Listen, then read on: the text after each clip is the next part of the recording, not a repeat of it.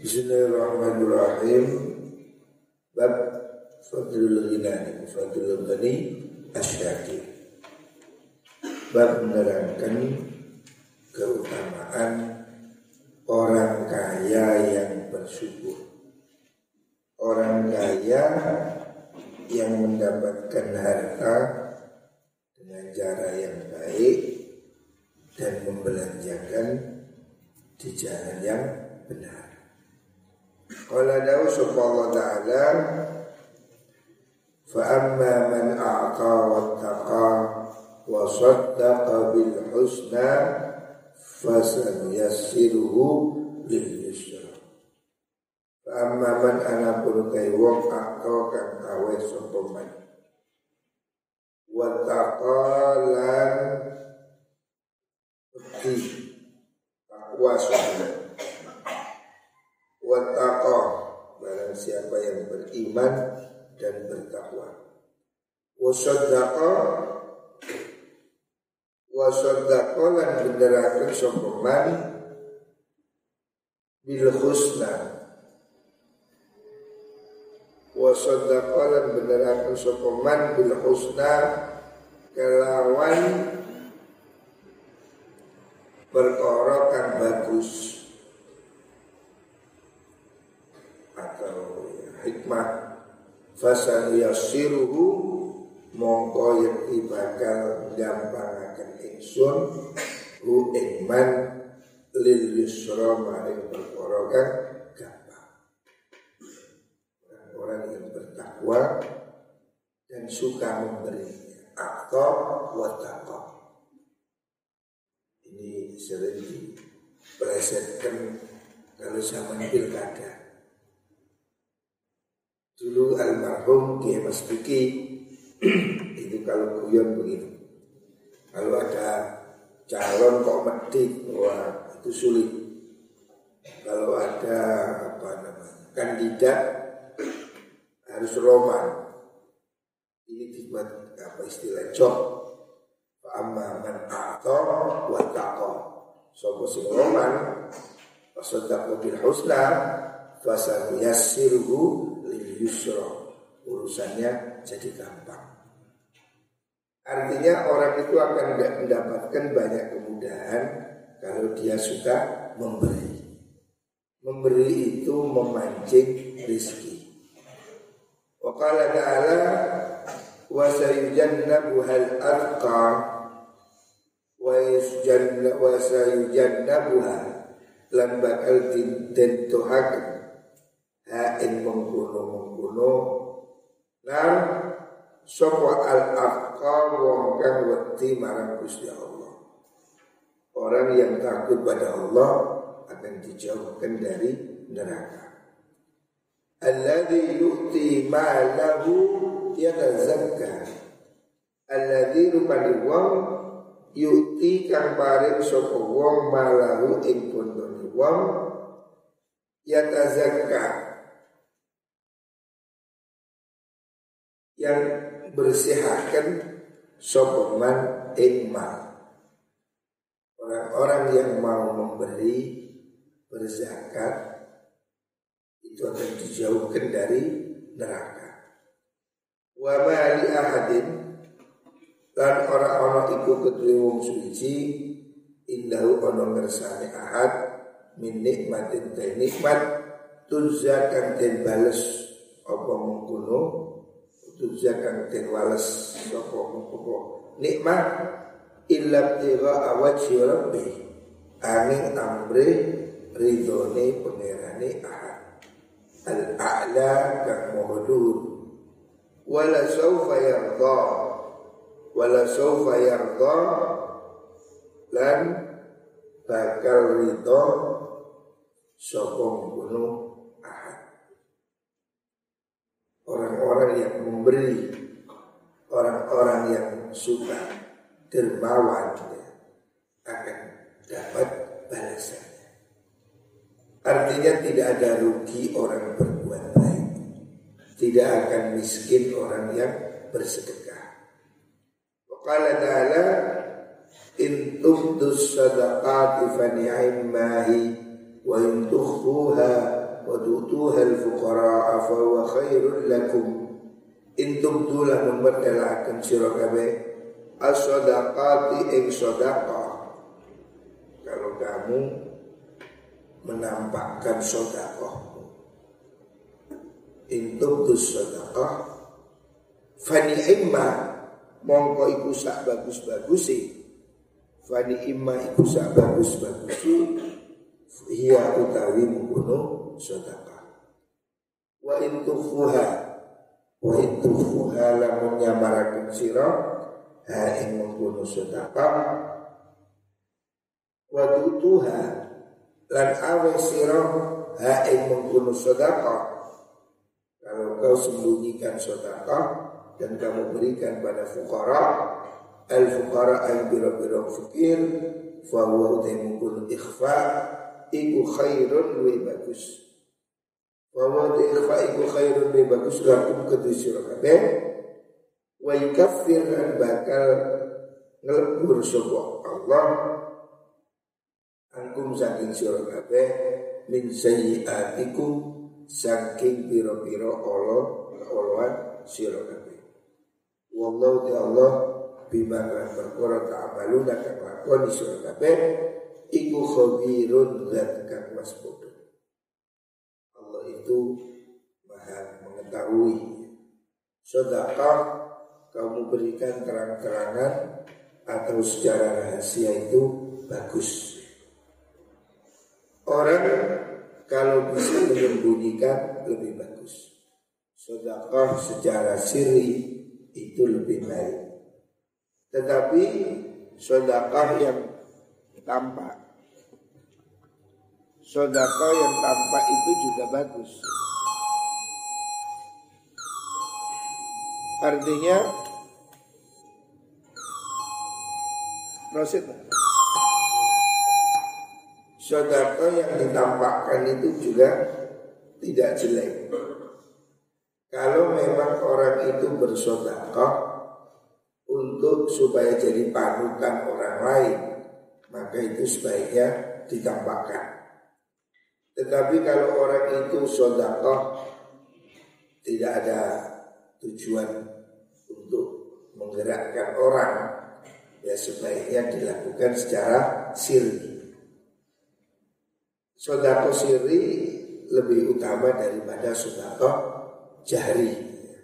Sama dengan sholat sunnah di malam hari, di waktu sepi, itu lebih utama daripada sholat di sama-sama sholat sunnah di siang hari. Sebab sholat di malam hari itu lebih sirih, lebih rahasia.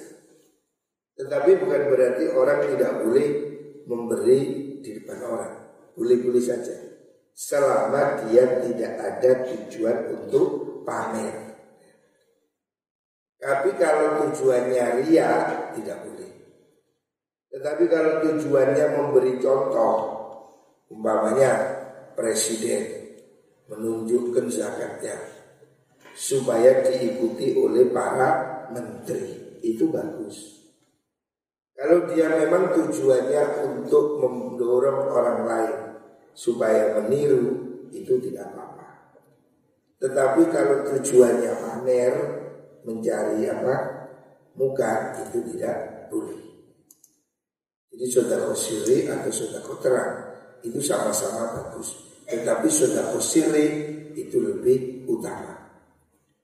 Wa qala ta'ala lan tanalul birra hatta tunfiqu mimma tuhibbun. Lan tanalu orang bakal berkoleh sira kabeh al birra keutamaan hatta tunfiqu sehingga nafaqahaken sira mimma saking perkara tuhibbuna kang temen sira kabeh. Wa mau te perkara tunfikuna kang nafakaken sira kabeh min syai'in sanging suci-suci fa inna Allah sedikus di Allah bi kalawan syai' iku alimun zat kang moho mutane moho ngawurwi engkau tidak akan mendapatkan kebaikan yang sempurna sampai engkau mau memberikan apa yang kau sukai. Apa pun yang kamu berikan itu semua dicatat dilihat oleh Gusti Allah. Artinya kalau sudah dilihat Allah cukuplah. Cukuplah amal kita ini dinilai oleh Gusti Allah. Wal ayat ini biro-biro ayat fi fadlil infaqi. Ing dalam keutamaan infak. Nafakahakan, membelanjakan. Fit ta'ati ing dalam biro-biro jalan ta'at kebaikan. Iku kathirotun akeh maklumatun turkan tenggurui dalil tentang hal ini banyak sekali. Quran ataupun hadis yang menerangkan tentang keutamaan sedekah. Wan Abdullah bin Mas'ud dan diriwayatkan saking sahabat Abdullah bin Mas'ud radhiyallahu an qala kamu sahabat Abdullah bin Mas'ud qala dawu Rasulullah sallallahu alaihi wasallam la hasada illa fisnain. La hasada orang ono hasud. Maksudnya tidak boleh orang mempunyai sifat dengki. Tidak boleh orang punya rasa iri ya. Illa fisna ini angin yang dalam perkara luru. Dua hal ini bukan termasuk hasud. Jadi ulama menafsirkan hadis ini ada yang mengatakan la hazda illa fisnaini itu istisnanya muqati. Seperti fasajadal malaikatu kullum ajma'un illa iblis. Iblis bukan bagi malaikat. Illa iblis, iblis bukan malaikat. La, la hasada illa fisnain. Tidak boleh hasud. Hasud tidak ada. Siapa pun orang yang beriman kepada Allah tidak tidak boleh mempunyai rasa iri dan dengki. Kalau kamu yakin bahwa semua terjadi hidup ini diatur oleh Allah, maka kamu tidak boleh punya rasa dengki pada orang lain. Jangan ada kedengkian kepada siapa pun. Sebab dengki iri itu menunjukkan tidak rela dengan pembagian Gusti Allah. Orang iri. Orang iri ini menunjukkan bahwa Dia ini tidak rela Dia tidak rela dengan pembagian Gusti Allah Orang kalau masih punya rasa iri berarti dia protes. Protes terhadap pembagian nikmatnya Allah. Semua orang ini punya nikmat sendiri-sendiri. Semua orang ini punya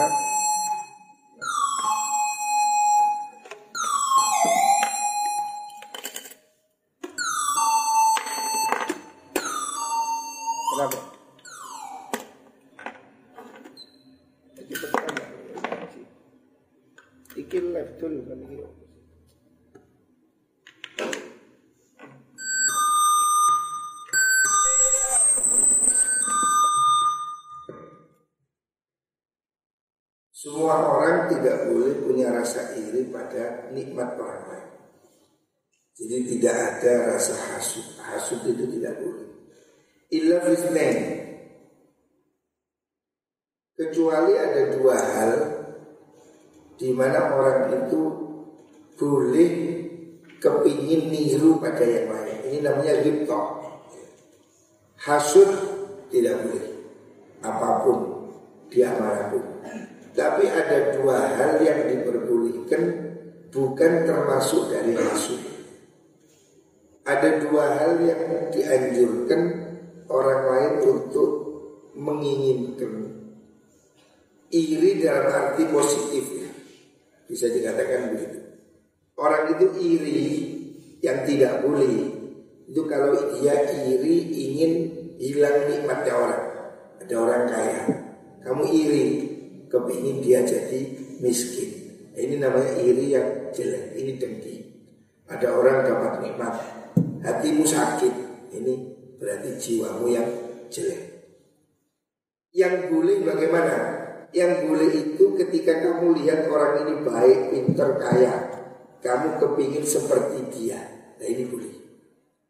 Oh saya kepingin kaya seperti fulan, ahli sodako. Ini boleh. Tetapi kalau kamu iri, dia kaya, hatimu sakit, ah itu, ah, ah, kamu gosip-gosipin dia. Itu berarti kamu dengki, kamu hasut. Jadi hasut tidak boleh. Ada dua hal illa fistain. Tetapi ada dua hal itu yang diperbolehkan untuk kamu ingin pada orang lain. Bukan berarti dibolehkan hasut. Ya. Hasut di mana pun tidak boleh. Hasut itu jahat. Hasut itu membenci nikmat yang diberikan Allah pada orang lain. Orang tidak boleh hasut. Itu titik. Illa bisnain kecuali orang itu boleh menginginkan dua hal. Rupani rojul mu'lanan atakang nekani hu ing rojul Sopo Allah Gusti Allah Mari ngimalan ing bondo Fasallatahu mongko nguasaaken sopo Allah Nguasaaken sopo Allah hu ing mal Ala halkatihi ing atase ngenteaken mengkono mal utawa nyodakohaken mal fil haqqi ing dalam kebenaran. Hal yang boleh diireni tapi dalam arti positif, artinya diinginkan, ripto. Itu ada dua hal. Maksudnya hadis ini menerangkan tentang dua hal yang sebaiknya menjadi cita-cita manusia.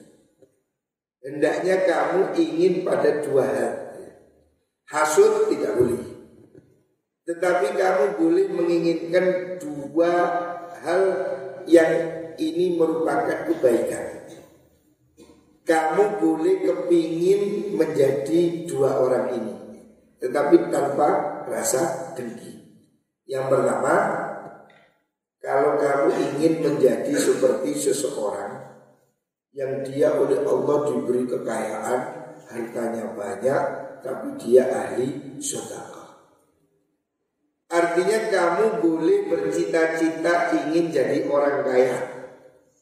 Tidak dilarang kamu kepingin jadi orang kaya. Bahkan menurut saya harus santri-santri ini harus kaya. Bukan hanya kepingin, tapi harus kaya. Maksudnya dia harus punya motivasi untuk jadi kaya. Ini hadis sahih ya. Hadis nomor 571 ini. Hadis ini riwayat Imam Bukhari dan Muslim. Hadis sahih Rasulullah Shallallahu Alaihi Wasallam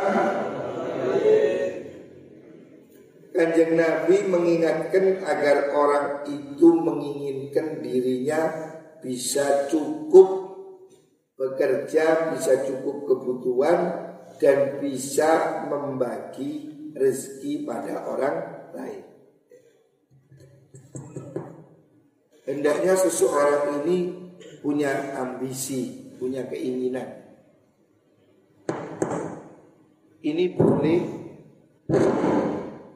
boleh orang itu kepingin jadi orang kaya seseorang kepingin menjadi orang kaya seperti orang lain supaya dia mendapat pahala dari sodako. Artinya kita tidak dilarang, boleh bagus kalau bercita-cita kepingin jadi orang kaya. Tetapi dengan motivasi ingin menolong orang lain. Jadi kalau kamu bekerja, berusaha memperbanyak harta dengan cara yang baik, dengan cara yang benar, itu harus kamu lakukan. Lakukan pekerjaanmu dengan sungguh-sungguh, tetapi niatnya tidak untuk serakah. Niatnya kamu ingin berbagi dengan orang lain. Ini jelas, hadisnya jelas. Hadis ini diriwayatkan oleh Imam Bukhari dan Muslim bahwa seseorang itu boleh kepingin jadi orang kaya. Seseorang boleh bekerja sampai dia mempunyai kelebihan harta dan dia ingin berbagi dengan orang lain. Sebagai bentuk syukur kalau kita diberi Allah rezeki bentuk syukurnya adalah mau berbagi dengan orang lain. Jadi tidak cukup kalau kita ini hanya sebagai tidak cukup kalau kita ini hanya menjadi orang miskin yang mengandalkan hidup dari pemberian orang. Jangan. Jangan sekali-kali ingin hidup dari pemberian orang lain. Hendaknya kamu punya motivasi yang lebih tinggi. Jadi santri ini jangan hanya kepingin kaya, tapi harus kaya. Wah kok materialis? Enggak, sebab kekayaan itu motivasinya untuk menolong orang lain. Jadi kalau kamu terus bekerja, terus bekerja, itu tidak ada masalah. Orang Islam tidak harus kere ya. Hendaknya kamu termotivasi untuk terus bekerja, tetapi dengan tujuan agar kamu bisa menolong orang lain. Itu mulia bekerja dengan motivasi menolong orang. Tidak hanya bekerja untuk mencukupi dirinya sendiri. Orang bekerja mencukupi dirinya sendiri itu juga dapat pahala. Orang bekerja dengan tujuan supaya tidak membebani orang lain. Bekerja supaya dia tidak ngemis bekerja supaya anaknya bisa sekolah. Itu juga ibadah. Motivasi bekerja supaya dia tidak minta-minta. Itu ibadah. Imam Ghazali dalam kitab Ikhya juga menyebutkan satu bab khusus tentang etika bekerja. Jadi bekerja itu bagian dari ibadah.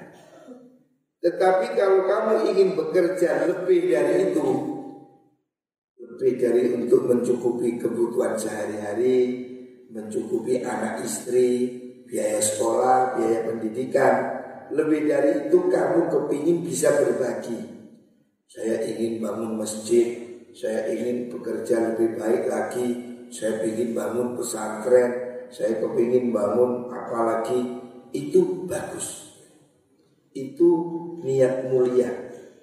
Rasulullah SAW mengajarkan demikian.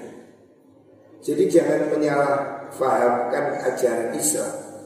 Ada orang yang keliru dalam memahami ini dikira orang bekerja itu jelek. Tidak, bekerja itu bagus. Ada orang menstigma orang kerja itu ke. Tidak. Bekerja itu lihat niatnya. Suatu saat Rasulullah SAW sedang bersama sahabat-sahabatnya, kemudian ada anak muda pergi kerja, dia bawa kapak, bawa tali, pergi ke hutan. Ada sahabat yang lain nyeletuk, ah sayang sekali, kekuatannya digunakan untuk cari harta. Kenapa dia tidak gunakan kekuatannya untuk perang jihad fisabilillah? Mendengar itu Rasulullah Shallallahu Alaihi Wasallam tidak setuju. Kata Nabi jangan berkata begitu. Jangan kamu menstigma buruk orang yang rajin bekerja. Jangan kamu mengira orang kerja itu jelek. Ini dalam kitab Ihya disebutkan. Kata Nabi, orang bekerja itu baik. Kalau dia niat pergi ke hutan bekerja cari kayu supaya dia melindungi diri, tidak minta-minta, maka bahwa fisabilillah.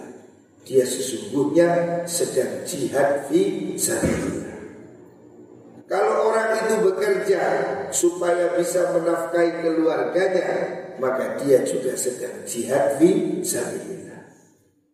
Kalau orang itu bekerja agar dia bisa berbagi, bersedekah, membantu anak-anak orang miskin, maka dia juga sedang jihad fi sabilillah. Jadi bekerja itu jihad, ya. bekerja itu baik. Jangan kita itu menjadi malas, kemudian nggak senang lihat orang kerja, itu salah. Nabi Muhammad SAW dan Nabi juga bekerja. Sahabat-sahabat Nabi juga bekerja. Nabi tidak hanya berdoa, Nabi juga bekerja. Makanya ini hadis ini perlu dicatat ya. Ini hadis dari Abu Solihin nomor 571. Ini hadis sahih muttafaq alaih. Hadis riwayat Imam Bukhari Muslim. Ini kedudukan hadis yang paling tinggi. Ini hadis sahih ya bahwa kajian Nabi mengajarkan agar kita rajin bekerja dan berniat untuk menginfakkan, membelanjakan sebagian harta kita untuk bersedekah, untuk jihad fi sabilillah. Seseorang itu boleh kepingin jadi orang kaya Umpamanya kamu melihat siapa kaya. Pak Yusuf Kala Umpamanya. Mantan wakil presiden Kaya. Dia ahli sodako. Boleh kamu bercita-cita begitu? Wah saya kepingin kaya seperti Pak Yusuf Kala Saya ingin kaya seperti Raja Salman Umpamanya. Kalau kamu melihat ada orang kaya ahli ibadah kalau kamu ada melihat tetanggamu Haji Fulan, Haji Fulan kaya tapi ramah ahli sodako. Kamu boleh termotivasi seperti itu. Oh, saya kepingin seperti Ustadz Anu kaya ahli sodako. Ya. Kamu boleh menginginkan menjadi seperti orang lain yang orang itu diberikan Allah kelebihan harta tapi dia mau bersedekah syukur terhadap harta itu sodako. Orang kaya itu cara beribadahnya bersedekah. Ada orang kaya ahli puasa tapi tidak sodako. Keliru.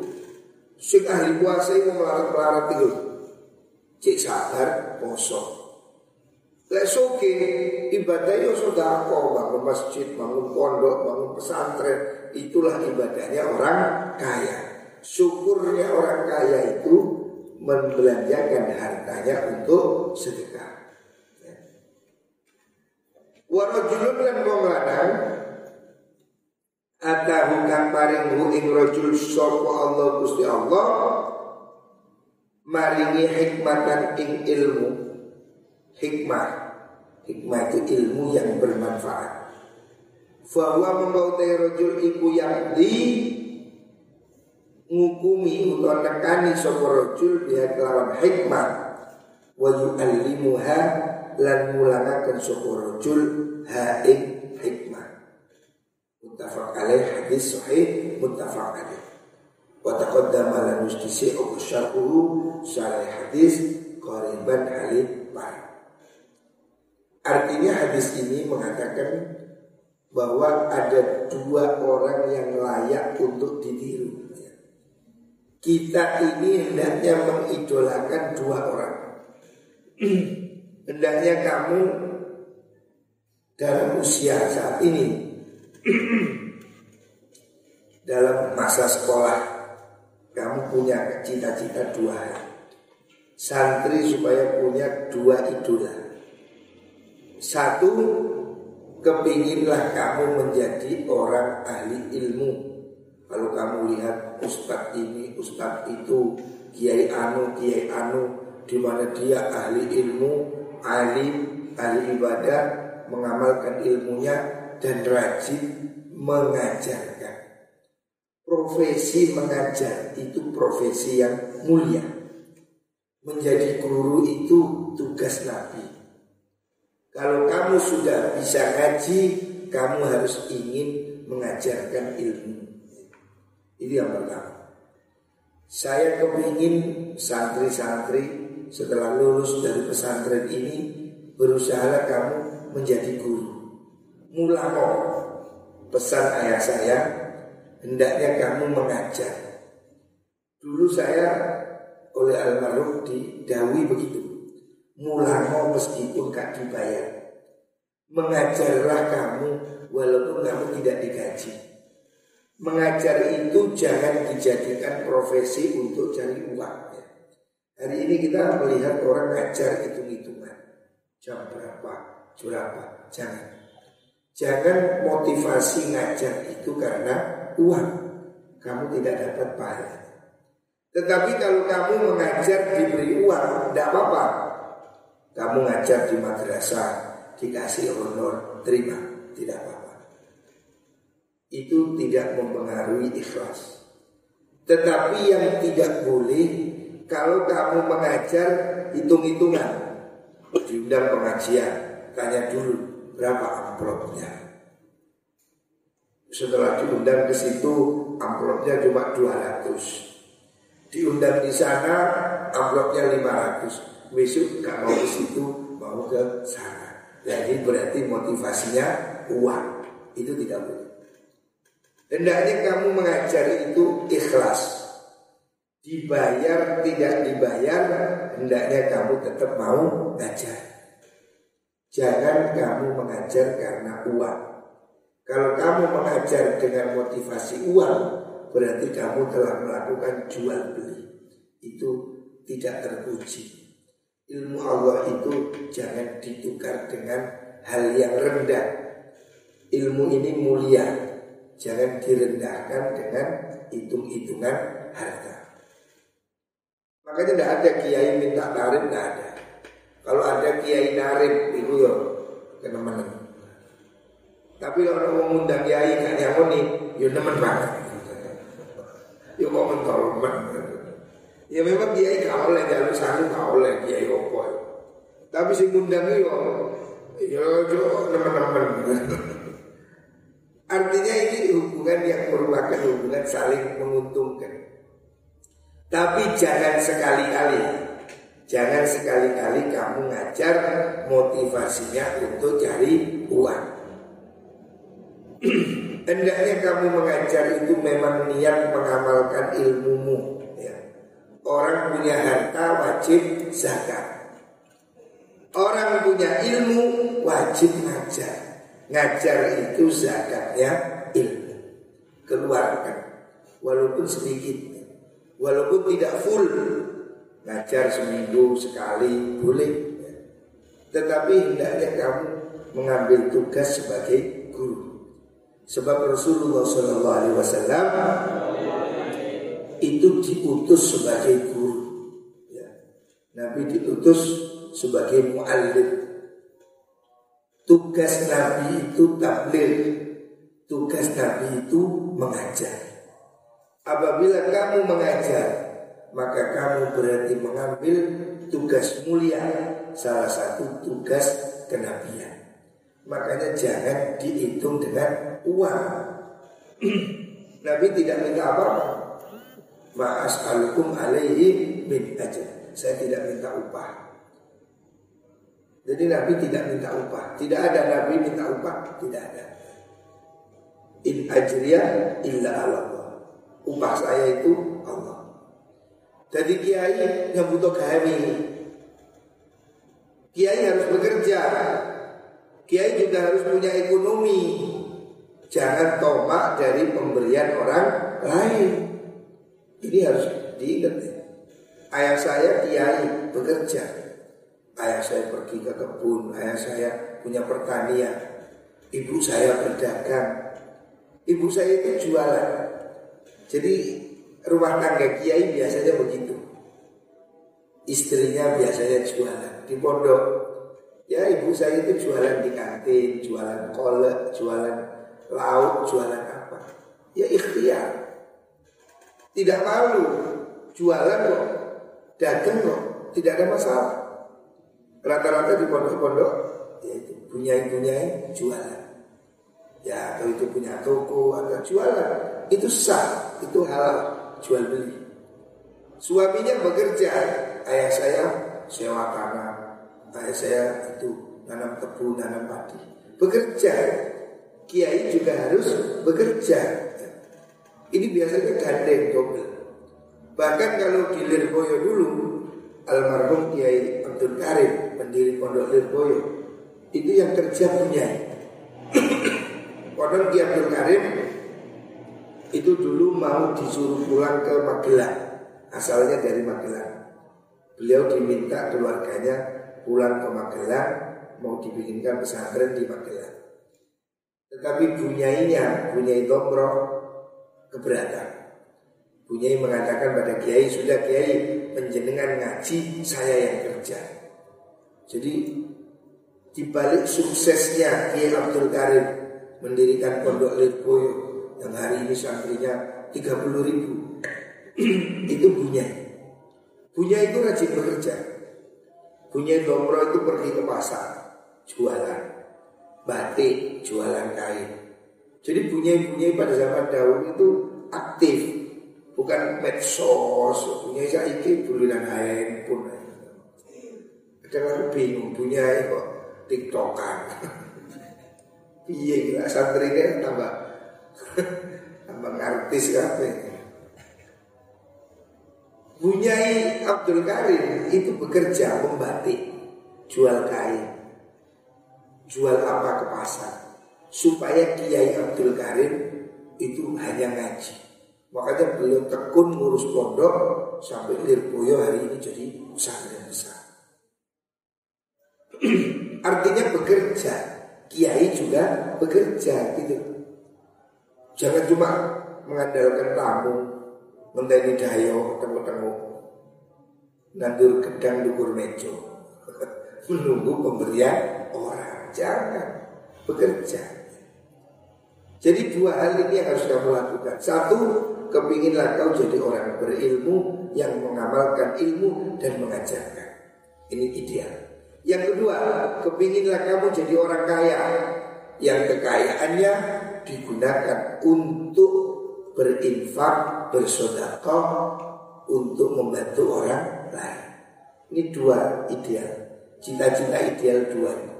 Saya kepingin santri-santri, muko-muko, jadi luru ya, jadi wong pinter, jadi wong suki. Amin, Allahumma amin. Luru ya, penting nih. Jadi kamu harus menaruh di pikiranmu ini targetnya dua. Jadilah orang alim, jadilah orang kaya. Santri harus kaya. Enak ya jadi wong suki gue enak, tenang. Tapi ya tahu melarat ya rada suki. Enak jadi wong suki lek jadi wong melarat, sumpah kan. Utang lima juta, kwitansi kira ke lima. Wong suki gak perlu kwitansi. Orang-orang kaya itu difasilitasi kredit card. Yang namanya kredit card itu utang Kartu kredit Kartu kredit itu tidak ada uangnya Jadi karena kamu kaya Kalau rekeningmu di banyak duitnya Maka kamu pasti ditawari kartu kredit. Kartu kredit itu kartu utang. Di mana-mana itu berlaku. Visa, Master. Ini berlaku di lebih dari 10 juta tempat di seluruh dunia. Makanya saya pergi ke Amerika, saya pergi ke Eropa, tidak perlu bawa uang.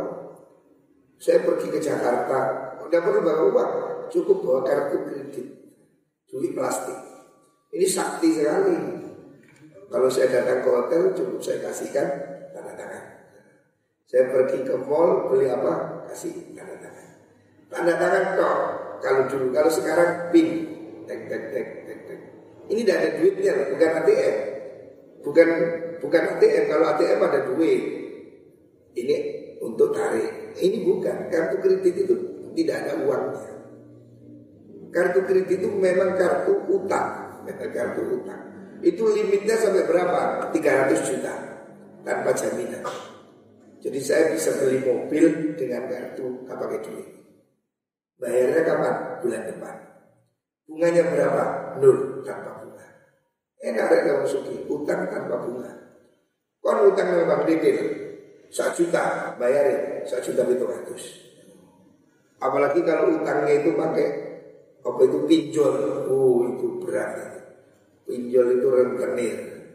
Jangan sekali-kali ambil pinjaman lewat pinjol, pinjaman online. Itu mencekik leher, itu bajingan. Saya berkali-kali dapat laporan orang dicekik oleh rentenir. Ya pinjol itu rentenir ini. Makanya kamu harus jadi kaya. Kalau kamu kaya enak dan dindi enak. Kalau kamu, saya kalau datang ke Bank Mandiri atau ke Bank BNI, kalau orang duit ini direk, antri ngantek, baris. Kalau perlu sama satpam suruh duduk di luar, antri pak masih penuh. Nah. Kalau saya pergi ke bank, oh enggak mau saya antri. Saya punya kartu sakti prioritas. Mana prioritas? Bisa pak? Dilayani sambil duduk di meja. Minum apa pak? Buah vita, kopi. Nah. Transaksi di meja sambil minum kopi.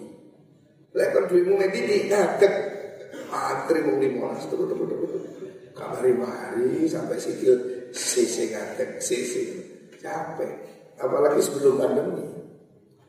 Tapi kalau kamu punya kartu prioritas, kamu datang di mana pun di Jakarta di mana pun kalau masuk ke bank, saya bertanya ada tempat prioritas, ada pak? Lantai dua, datang duduk minum apa? Jadi kembang kita seperti duduk di rumah. Petugasnya datang bawa kertas. Mau apa pak? Ditulis no. Tinggal tanda tangan. Tapi lagi umum ini silakan diisi. Itu salah. Tulis lagi. Tapi kalau kamu punya kartu prioritas, kamu duduk apa pak? Ada yang dibantu ditulis no. Transfer ke mana pak? Mari pak tanda tangan. Enak. Makanya enak jadi wong suki ya. Tak dongano muga-muga kabeh dadi wong suki. Suki ilmu, suki dunya. Amin Allahumma amin.